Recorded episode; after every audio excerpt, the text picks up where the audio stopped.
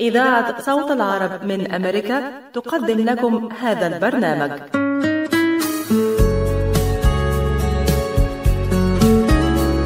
القهوة عالم يجمعنا بناس نشوفها نحبها ومن جوه قلوبنا تفوت. قلوبهم دايما شايلة حكاوي وذكريات. هنشاركها معاهم مع فنجان قهوة. فنجان قهوة لقاء من إعداد وتقديم مروة مقبول. أهلا بكم مستمعينا في كل مكان ولقاء يتجدد معكم عبر أثير إذاعة صوت العرب من أمريكا. ويسعدني أن أصحبكم على مدار الساعة مروة مقبول في حلقة جديدة ومميزة. نتجول فيها معكم بين الأخبار الطريفة والتقارير والحواديت المنسية والفنية والعديد من الفقرات المتنوعة. فابقوا معنا. على كوكب الأرض ملايين الثقافات والشعوب والأفكار المختلفة ولكل واحد منا معتقداته الخاصة التي يدافع عنها ويحاول نشرها. وبسبب التنوع والاختلاف الكبيرين بين مختلف شعوب العالم تظهر أعياد واحتفالات خاصة لكل شعب من هذه الشعوب. ما بين الاحتفالات التي يمكن وصفها بأنها خطيرة وغريبة وتلك التي تثير البهجة والسعادة والضحك في بعض الأحيان نذهب معكم مستمعينا في جولة حول العالم وأغرب الاحتفالات. نبدأها معكم من الولايات المتحدة واليوم الوطني للا شيء. طبعا لوجود يوم وطني أو عالمي لكل شيء في حياتنا فقد قرر الصحفي الأمريكي هارولد بولمان عام 1972 ابتكار يوم وطني للا شيء. لكي يرتاح فيه الناس من الاحتفالات الوطنية طوال أيام العام ويجري الاحتفال بهذا اليوم في السادس عشر من شهر يناير من كل عام. وهذا اليوم ليس عطلة رسمية ولكن الكثير من الناس يحتفلون به ويكون الاحتفال من خلال الجلوس دون الاحتفال أو فعل أي شيء. وابتكرت أمريكية في عام 1996 يوما غريبا أطلقت عليه يوم استراحة العقل لمساعدة الناس على أخذ استراحة لأنفسهم من المشاريع التي تنطوي على قدر كبير من التفكير. أو التحليل ويمكن الاحتفال بهذا اليوم من خلال عدم القيام بأي شيء على الإطلاق وتجنب اتخاذ أي قرار. فهذا اليوم مخصص لمنح العقل الراحة والتوقف عن تحليل كل شيء وأي شيء أو حتى دراسة أي شيء أو دراسة أي فكرة. ويجري الاحتفال بهذا اليوم في أماكن كثيرة من العالم في السابع والعشرين من شهر فبراير من كل عام.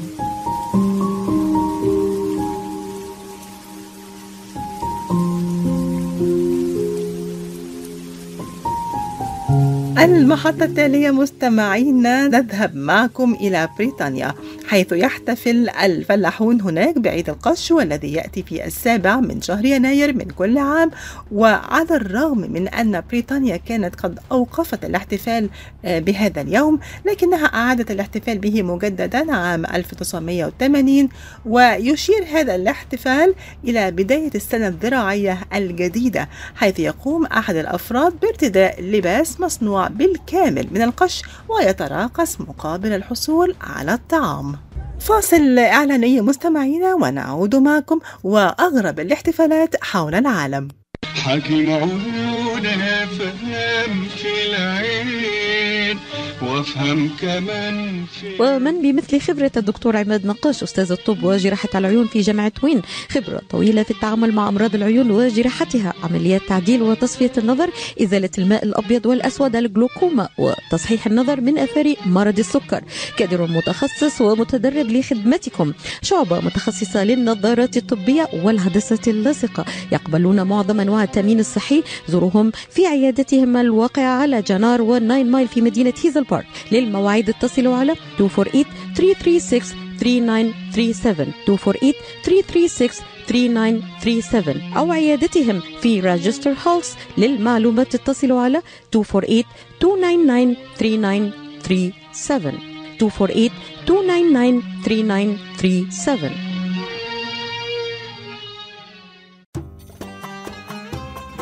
بقديم الزمان كانت عشتار رمز الحب والجمال. عند السومريين كان اسمها إينانا وأفروديت ببلاد اليونان وفينوس عند الرومان. ومثل ما هي كوكب الزهرة نجم الصباح والمساء. عشتار اليوم نجم ستيرلينغ هايتس العالي بالسماء رمز للمذاق الأسطوري من أرض بابل ونينوى. أجواء من سحر الشرق. بأنغام العود والصبا. عشتار مطعم أهل البيت والخطار. 3625 Mile Road في مدينة ستيرلينغ هايت هاتف 586-698-2585 نستكمل معكم مستمعينا أغرب الاحتفالات حول العالم. ففي بوليفيا تحديدا سكان مدينة بوتوسي يحتفلون بعيد اسمه ماتشو تونكو وهو عيد تقليدي أو يعرف بعيد ضرب الجيران. ويتم الاحتفال بهذا اليوم في شهر مايو. في هذا اليوم يخرج الجميع من بيوتهم ويبدأون بضرب جيرانهم بكل ما أوتوا من قوة وعزم إذ يعتقد الشعب البوليفي أن تبادل اللكمات والضرب بينهم يجلب لهم الحظ ويزيد من وفرة المحاصيل الزراعية ويعود هذا العيد الخطير إلى أسطورة قديمة. تقول أن هناك إله اسمه الباتشا ماما. كانت قد أمرت البوليفيين قبل ستة قرون أن يحضروا لها الدماء. وذلك حتى يضمنوا وفرة جيدة لمحاصيلهم الزراعية وبدلا من أن يذبحوا القرابين مثلا آه، من الماشية اختاروا أن يريقوا الدماء البشرية عبر إقامة معارك شرسة بين الجيران. حتى أن بعضها قد تزهق فيه بعض الأرواح وعلى الرغم من أن سلطات البلاد قد حاولت عدة مرات أن توقف الاحتفال بهذا العيد إلا أن البوليفيين لا يزالون يحتفلون بهذا العيد كل عام في نفس الموعد. وتحتفل اليابان بعيد نثر الفول في الثاني والثالث من شهر فبراير من كل عام. ويقوم خلاله اليابانيون بنثر بذور الفول حول المنازل والمعابد والأضرحة وذلك بهدف طرد الأرواح الشريرة. وربما يكون هذا هو العيد الأغرب الذي تحتفل به الشعوب حيث أنه من المعروف أن يأخذ الاحتفال بهذه المناسبات عادة طابع الغناء والرقص والضجيج إلا أن عيد نيابي أو كما يعرف بعيد الصمت والتأمل الذي يحييه سكان مقاطعة بالي في أندونيسيا في شهر مارس من كل عام احتفالا برأس السنة القمرية عكس ذلك تماما. حيث يتميز عيد نيابي عن غيره بأن سكان المقاطعة يصومون فيه عن الكلام أو حتى عن الخروج من المنازل وسماع الموسيقى وغيرها من النشاطات. وذلك طوال 24 ساعة.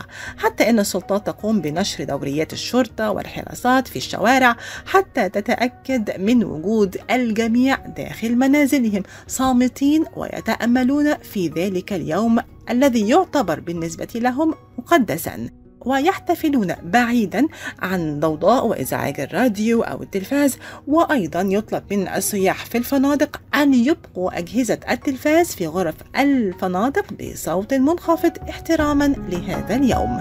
وتحتفل كوريا الجنوبية بعيد الاستحمام في الوحل في بداية موسم الصيف من كل عام وتقام في مدينة بوريونغ معركة تسمى معركة الاستحمام بالطين. وتجتذب ملايين السياح من مختلف بقاع العالم وتعود بداية هذا الاحتفال إلى إحدى شركات مستحضرات التجميل التي استخدمت هذه الفكرة للترويج عن منتجاتها التي يدخل الطمي في تركيبها.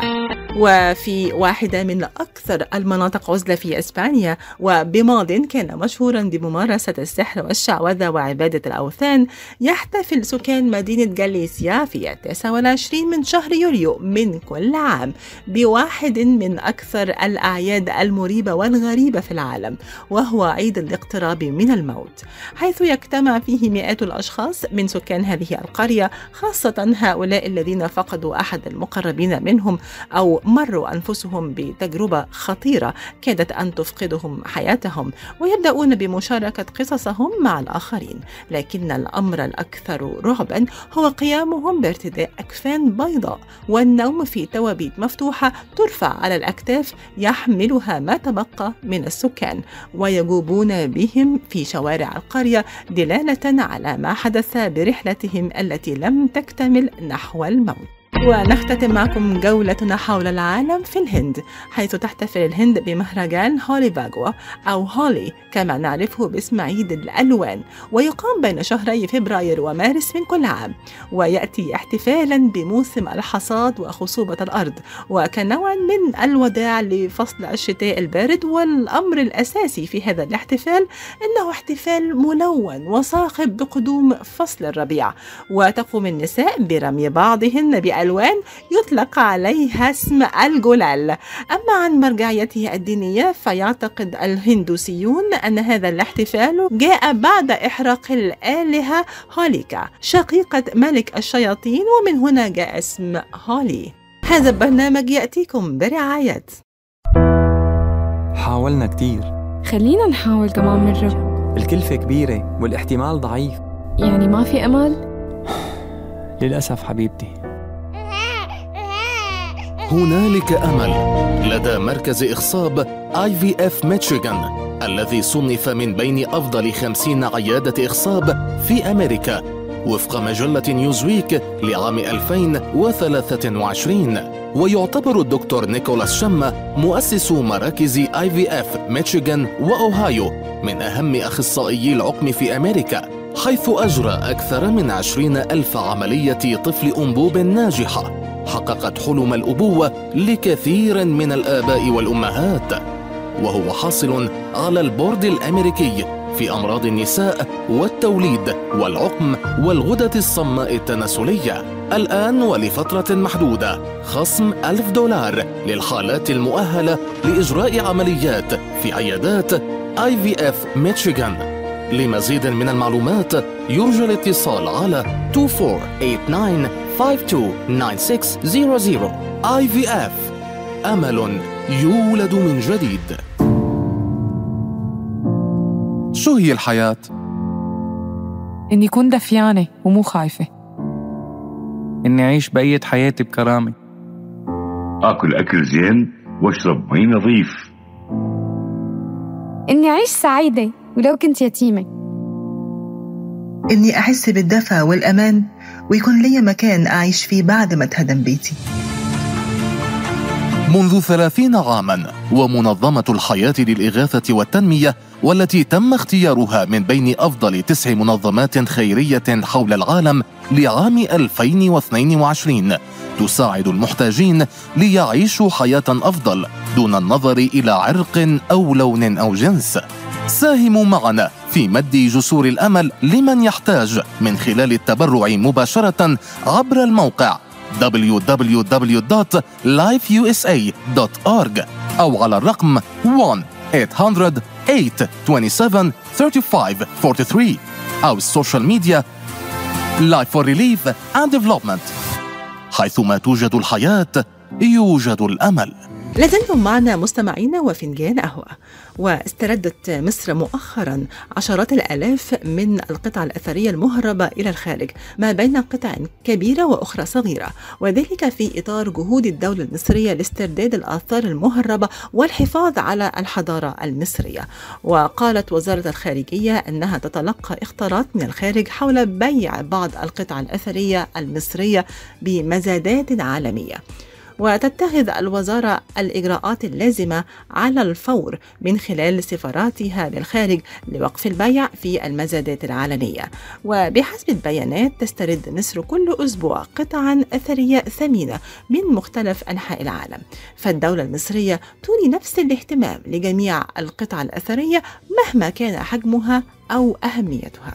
إيمانا بأهمية الحفاظ على الحضارة المصرية القديمة. حول الآثار المستردة وأهمية الاستكشافات الأثرية الحديثة تدور حلقة مرسال مع عالم الآثار والمصريات ووزير الدولة السابق لشؤون الآثار المصرية دكتور زاهي حواس وحوار تجريه مروى المغرب صباح الخير مستمعين صوت العرب من أمريكا في كل مكان وحلقة جديدة من مرسال وضيف جديد معنا من مصر. السيد الدكتور زاهي حواس عالم المصريات ووزير الآثار المصري السابق. إزيك دكتور زاهي؟ أهلا وسهلا. دكتور زاهي كنا عايزين حابين نسأل حضرتك عن الاكتشافات الأثرية الجديدة في مصر. هل مصر نجحت في استرداد الآثار القديمة اولا قبل الاكتشافات؟ هو طبعا يعني إحنا آه، لما أنا مسكت الآثار في 2002 عملت إدارة اسمها اداره إدارة الآثار المستردة. وقدرنا إن إحنا نرجع آلاف القطع الأثرية وبعد كده أنا قلت لازم القطع الفريدة مكانها مصر زي راس نفرتيتي في برلين والقبه السماوية في آه، اللوفر وحجر رشيد في المتحف البريطاني. وطبعا آه، أنا بعت أول جواب رسمي للمطالبة برأس نفرتيتي من برلين وبعد كده دلوقتي إحنا عاملين وثيقة. والوثيقة دي آه، يعني عشان نطالب بعودة الحجر والقبة السماوية إلى مصر وقع عليها حوالي أكثر من 200 ألف شخص. مظبوط. وإحنا بنتمنى إن إحنا نصل إلى مليون شخص عشان نقدر نرجع هذه الآثار الفريدة لمصر وطبعا العالم دلوقتي أصبح عنده صحوة لأن طبعا أوروبا يعني موتوا الناس في أفريقيا وسرقوا الآثار ونهبوا صحيح يا دكتور. تراث أفريقيا وبالتالي حصل فيه صحوه العالم بدأ يفوق ويعرف انه نهب اثار أفريقيا ولابد أنها تعود. والحقيقة أن إثيوبيا واليونان جادين في استعادة آثارهم وأنا يعني شايف أن الحكومة المصرية وبالذات السيد الرئيس عبد الفتاح السيسي نعم. هو بيؤيد المبادرة الشعبية لاستعادة آثارنا وهناك يعني تعضيد من الدولة للأهداف اللي إحنا بنقوم بيها دلوقتي. نعم. آه، بنسبة كام في المية تقييم حضرتك مصر نجحت في استرداد؟ يعني كام في المية؟ لا ما ما تقدريش تقولي كام في المية لأن إحنا مش عارفين نيجي الاثار اللي اتسرقت أنت عندك في 2011 اتسرق آلاف القطع الأثرية. ما حدش يعرف هي شكلها إيه ولا إيه. إحنا رجعنا كل الآثار المسروقة. مم. لكن اللي هي طلعت بطرق غير قانونية لكن في آلاف القطع الأثرية اللي اتسرقت قبل 1972 وما قدرش نرجعها تاني. بناء على اتفاقيه اليونسكو لكن إحنا بنرجع الآثار المسروقة دلوقتي تاني. لكن الآثار اللي اتسرقت قبل كده طبقا لقانون قوانين اليونسكو مش قادرين نرجعها تاني. هل المنظمات الدولية زي اليونسكو وغيرها ساعدت مصر بالشكل الكافي من وجهة نظرك؟ تساعد المنظمات الدولية مصر بأي شيء اطلاقا بل نعم. بالعكس. القوانين اللي عملتها هذه المنظمات الدولية بما فيها اليونسكو قوانين مجحفه جدا للشعوب اللي آثارها بتتسرق آه، عودة لملف الاكتشافات الأثرية الجديدة دكتور زاهي حضرتك بتشوف بعد أكتر من 30 اكتشاف في مصر في مدار يعني عام واحد آه، هل ممكن تعود بعملة صعبة آه، تعوض مصر عن خسائر اقتصادية؟ وطبعا الاكتشافات الأثرية آه، بتعمل حاجتين. نمرة واحد بتعمل اسم مصر بيبقى في كل مكان لأن العالم كله بيهتم بالآثار المصرية. والحاجة الثانية المهمة اللي لها عوائد اقتصادية ان دي بتشجع السياحة. نعم. يعني الاكتشافات الأثرية وإعلانها في الصحف وإحنا لسه آخر فيلم عملناه مع نتفليكس.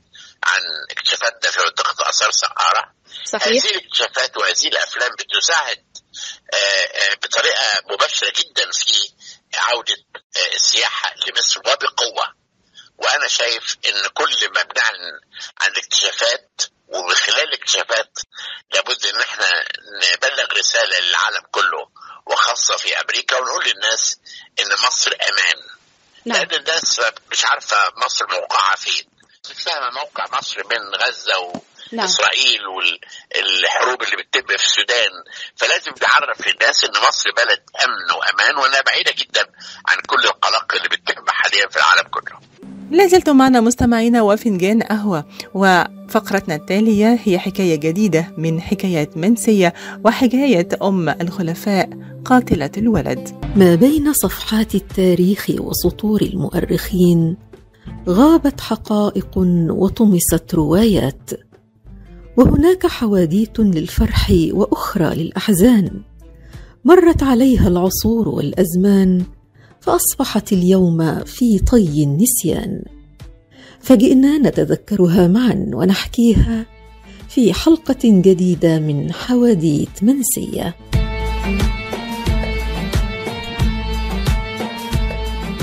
وحلقة اليوم بعنوان أم الخلفاء قاتلة الولد.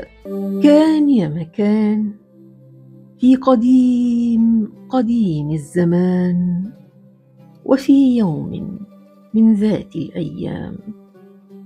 هناك في العراق عندما كانت خلافة بني العباس تملأ الدنيا عزا ونصرا وسلطان وفي إحدى نهارات بغداد الجميلة عاصمة الخلافة ودرة تاجها كان الخليفة المهدي يمر بموكبه المهيب في الأسواق. ومن بين الأسواق التي اشتهرت في ذلك الحين كان سوق النخاسين حيث يعرض النخاسون بضاعتهم من الجواري والعبيد.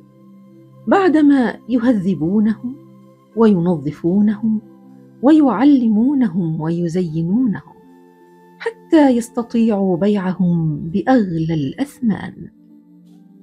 وفي ذاك النهار السعيد المشرق حل بسوق النخاسين في بغداد نخاس بدوي.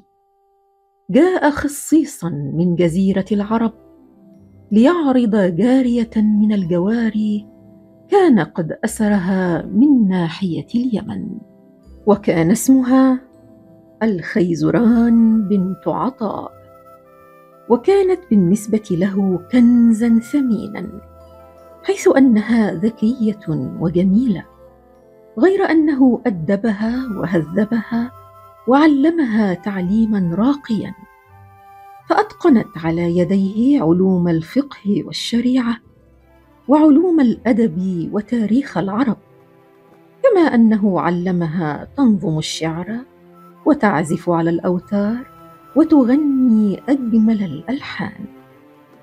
لهذا جاء بها إلى بغداد حيث الوجهاء والأثرياء والأمراء طامعا في بيعها بثمن كبير يحقق له حلم الثراء والغنى ولحسن حظ ذلك النخاس. صادفه مرور موكب الخليفة المهدي بالسوق بينما هو ينادي على جاريته الثمينة ويقول الخيزران غصن البان حسناء اليمان تقرض الأشعار وتقرأ الأسفار وتحفظ الأسرار فصيحة العرب. توزن بالذهب. الخيزران الخيزران غصن البان. وهنا انتبه الخليفة لنداءات النخاس ولفت نظره جمال الجارية والذكاء في عينيها. فراح ناحيتها وسألها من أنت يا جارية؟ فأجابته الخيزران بدلال ملحوظ وقالت جاريتك يا مولاي. الخيزران حسناء اليمان التي تقرض الأشعار وتقرأ الأسفار وتحفظ كل الأسرار. إذا أمرتني كنت ملك يمينك وإذا دعوتني كنت خير نديمك. وإذا تحيرت في أمر مشورة واستشرتني كنت بالعلم والحكمة خير مشيرك. جربني يا مولاي. انبهر الخليفة المهدي بالخيزران. وجذبه جمالها وذكاؤها وأسرته ثقافتها وعلمها. كما أنه أعجب بدلالها وخفة ظلها فأمر الخليفة بشراء الخيزران من النخاس البدوي ونقلها معه إلى قصر الخلافة. وهناك في قصر الخلافة استطاعت الخيزران بذكائها ودلالها وخفتها وجمالها أن تأسر قلب وعقل الخليفة حتى أنه أعتقها من الرق وتزوجها زواج الأحرار أي أنه ساوى بينها وبين باقي زوجاته من أميرات بني العباس. وأشرقت الأيام للخيزران أكثر وأكثر فأنجبت للخليفة المهدي ولدين وهما موسى وهارون. ثم بالغت الخيزران في طموحها وراحت تستعمل كل ما أوتيت من ذكاء ودهاء وفطنة ودلال حتى تقنع الخليفة المهدي بأن يوصي لموسى وهارون بولاية العهد من بعده دونا عن باقي أبنائه من زوجاته الأخريات. واستجاب الخليفة بالفعل لمطالب الخيزران وأوصى بولاية العهد من بعده لابنيه منها موسى الهادي ومن ورائه هارون الرشيد. ومن ذاك اليوم اعتبرت الخيزران نفسها أم الخلفاء. وبعدها أصبح لها نفوذ كبير جدا في قصر الخلافة. واستطاعت أن تفرض نفسها على مسرح الأحداث في كل ما يخص أمور الحكم والدولة لدرجة أنها كانت تحضر من وراء الستار مجالس الخليفة مع القادة والحكام. وراحت تسمع التقارير والمشاكل ثم تناقش الخليفة في أمرها وتقترح عليه الحلول والتوصيات. وكثيرا ما أخذ الخليفة برأيها ونفذ مشورتها. فتشفعت لبعض المحكوم عليهم بالإعدام كما أشارت بتخفيف الضرائب عن المعدومين كما أشارت أيضا بترقية فلان وتولية فلان أو حتى عزل فلان. وازداد نفوذ الخيزران داخل قصر الخلافة يوما بعد يوم بمباركة من زوجها الخليفة المهدي حتى أنه سمح لها بمقابلة السفراء والقادة وإصدار الأوامر لهم حسب رؤيتها. ذلك غير أنها اكتسبت ثروة طائلة خاصة بها ومستقلة عن خزانة الدولة. عن طريق تسيير وكلاء لها بتجارة خاصة بها بين بغداد والدول المجاورة. وكانت كثيرا ما تنفق أموالها الخاصة على الفقراء والمحتاجين وعلى عمارة البيت الحرام. وفي يوم من الأيام فاجأها القدر بمصاب مشؤوم حيث توفي زوجها الخليفة المهدي فجأة. فما كان من الخيزران إلا أن أخفت خبر وفاته عن الجميع حتى قامت بترتيب بعض شؤون الحكم في بغداد. وكذلك دفعت لقادة الجيش رواتبهم وأجزلت لهم العطايا حتى تضمن مبايعة كل القادة والجنود لابنها موسى الهادي خليفة للمسلمين بعد أبيه. وبالفعل تمت المبايعة وأصبح ابنها موسى الهادي هو الخليفة العباسي الجديد. وفي خلافة موسى الهادي حاولت أمه الخيزران التدخل في شؤون الحكم والدولة كما اعتادت في حياة أبيه المهدي. لكن موسى الهادي كان رافضا لذلك تماما وفعل كل ما يستطيع لعزل أمه الخيزران من شؤون الحكم والخلافة. كما أنه عزم على عزل أخيه هارون من منصب ولاية العهد ليوصي به لابنه هو. وهنا قررت الخيزران التخلص من موسى الهادي وانتصرت في نفسها نوازع الحكم والسلطة على نوازع الأمومة والمحبة وقالت لنفسها إن الخلافة لا قلب لها والحكم لا رحمة فيه. فأرسلت لابنها موسى الهادي عددا من جواريها اللاتي دسسن له السم فمات قتيلا بتحريض من أمه الخيزران.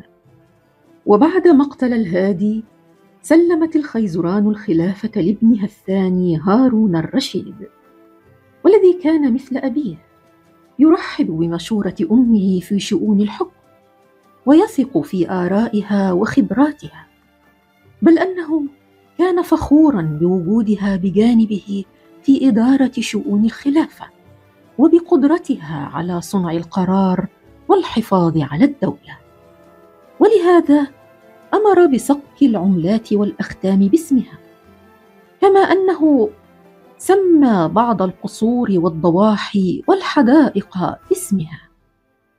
وهكذا عاشت الخيزران في عز وثراء وملك وسلطان إلى أن ماتت في خلافة ابنها هارون الرشيد الذي حزن عليها حزنا شديدا ومشى في جنازتها وهو حافي القدمين وأصر أن يحمل تابوتها بنفسه وأن يقوم بدفنها بنفسه داخل مقبرة عظيمة في حي الأعظمية في بغداد. ما زالت تعرف إلى يومنا هذا باسمها مقبرة الخيزران. وهكذا لم يذكر التاريخ إذا كانت الخيزران شخصية طيبة أم شخصية شريرة. ولكن من المؤكد أنها كانت شخصية قوية وطموحة ساعية للملك والسلطان. ومثلها مثل كل البشر. لها جانبها المضيء وكذلك جانبها المظلم. لكن القدر قد رسم لها طريقا جعل من قصة حياتها حدوتة تذكر من بين حواديت التاريخ المنسية. وإلى لقاء جديد نتذكر فيه سويا حدوتة جديدة من حواديت التاريخ المنسية. تعدها وتقدمها لحضراتكم عبير حسين. هذا البرنامج يأتيكم برعاية.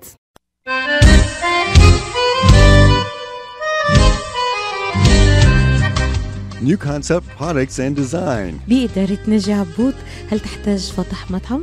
هل تحتاج فتح محل المواد الغذائية؟ هل تحتاج تصاميم وخرائط؟ اتصل بناجي عبود على الرقم 734-744-9796 هل تريد شراء معدات المطابخ والمطاعم وبأسعار مخفضة وتسهيلات بالدافع؟ اتصل بناجي عبود الآن على الرقم 734-744-9796 خصم 5% عند الشراء ب 75 ألف أو أكثر على كافة المواد. لمزيد من المعلومات زوروا موقعهم الإلكتروني على www.newconceptproducts.com أو زوروهم في موقعهم الجديد. 31185 Schoolcraft in Livonia. ناجي عبود العلامة المميزة في عالم المطابخ.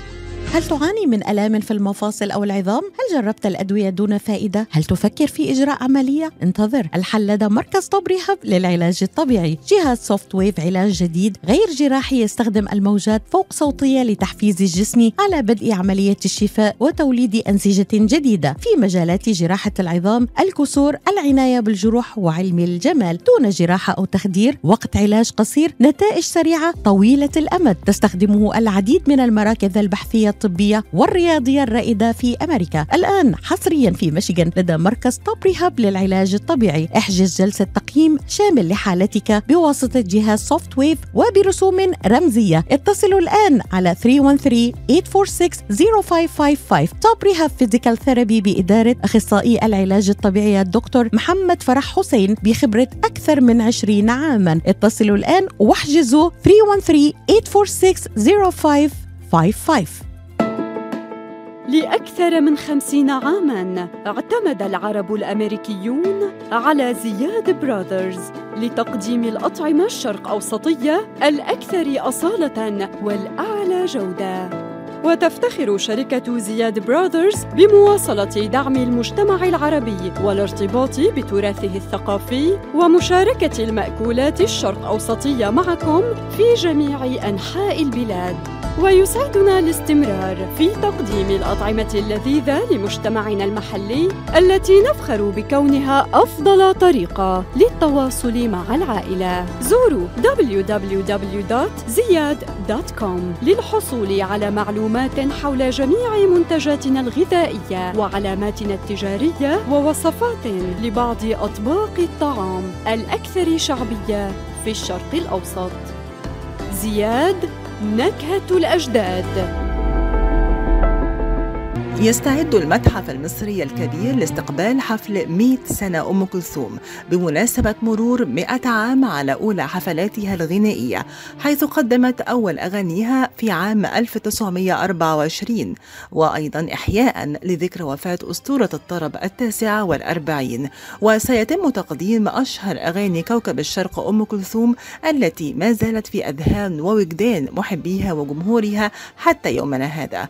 مثل أنت عمري سيرة الحب أمل حياتي لسه فاكر. هذه ليلتي حيرت قلبي معاك. فات الميعاد للصبر حدود ويمسهرني وغيرها من أعمال كوكب الشرق الخالدة والتي ما زالت تتصدر المشهد الغنائي في مصر والوطن العربي. يحيي الحفل كوكبة من ألمع نجوم الوطن العربي. منهم الفنانة ريهام عبد الحكيم ومروى ناجي وأيضا الفنانة إيمان عبد الغني. وسيكون الحفل بقيادة المايسترو والموزع الموسيقي محمد الموجي. وذلك يوم 21 فبراير. وتحت رعاية كل من وزارة السياحة والآثار والهيئة العامة لتنشيط السياحة. أثارت حياة أم كلثوم الخاصة فضول الكثيرين ونسجت حولها حكايات متضاربة بين الحقيقة والخيال. ورغم الغياب فإنها لا تزال تتربع على عرش الغناء وتسعد قلوب الملايين من عشاق فنها الراقي في جميع أنحاء العالم العربي. بينما ظل صفحات حياة أيقونة الطرب مزدحمة بالحكايات والمواقف التي يعتبر بعضها مجهولا وغير معروف للكثير من عشاق فنها. وربما لا تعرف الأجيال الحالية التي لا تزال تستمتع بأغانيها الرائعة الكثير والكثير من الأسرار حول هذه السيدة الملقبة بكوكب الشرق. سنسرد لكم بعضا منها مستمعينا في الدقائق التالية. اسمها بالكامل أم كلثوم إبراهيم البلتاجي ولدت يوم 4 مايو عام 1904 حفظت القرآن الكريم كاملا حيث بدأت حياتها قارئة له.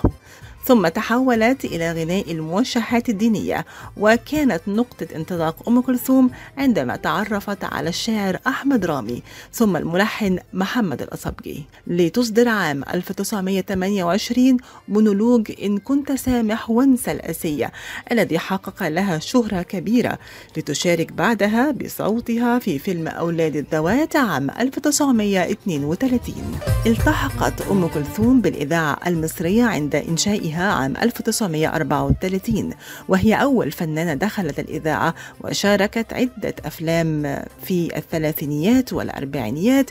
كان آخرها فيلم فاطمة عام 1947 كان المنديل الطويل الذي تحرص على الإمساك به في يدها بجميع حفلاتها أحد أهم ملامح شخصيتها وكان سببه حالة التعرق الشديد في كفيها والتي كانت تسبب لها الإحراج. أنا حادثه إن أنا بمسك منديل في إيدي دي لأن أول ما تترفع ستاره أنا إيديا تعرق. برضو بخاف من الجمهور. الأول وأنا صغيرة ما كنتش بخاف من الجمهور ابدا لأن ما فيش حاجة هيخاف على إيه. لكن آه بعد الواحد ما حس كده بإنه بقى يعني حاجة بخاف بخاف جدا. وبحس والخوف ده احترام للجمهور. أعلنت اعتزالها الغناء فور وفاة الزعيم المصري جمال عبد الناصر في سبتمبر عام 1970 ولم تعد إلا بضغط كبير من الرئيس الراحل أنور السادات. كانت تعتز باسم ثومة الذي أطلقه عليها شاعر الشباب أحمد رامي وكانت تعتز أكثر بلقب الست وتحرص على أن يناديها به كل المتعاملين معها. طردها بالغدة الدرقية من أهم أسباب اعتزالها التمثيل بعد أن قدمت ست أفلام فقط منها فيلم وداد عام 1936 سيناريو أحمد بدرخان وإخراج الألماني فريدز كرامب وشارك في التمثيل أحمد علام ومحمود المليجي وكوكا. وكان أول فيلم مصري يشارك في مهرجان سينمائي مهرجان البندقية بإيطاليا وحقق نجاحا جماهيريا كبيرا. وقدمت أم كلثوم أيضا 308 أغنية. كتب منها أحمد رامي 137 أغنية بمفرده. وكانت أم كلثوم لا تقبل النقد من أحد باستثنائه. ما جال في خاطري أني سأرثيها بعد الذي صرت من أشجى أغانيها.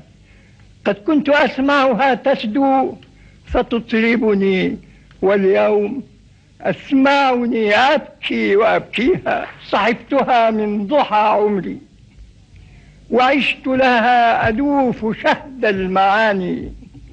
ثم أهديها سلافة من جنى فكري وعاطفتي تديرها حول أرواح تناجيها لحنا يدب إلى الأسماع يبهرها بما حوى من جمال في تغنيها.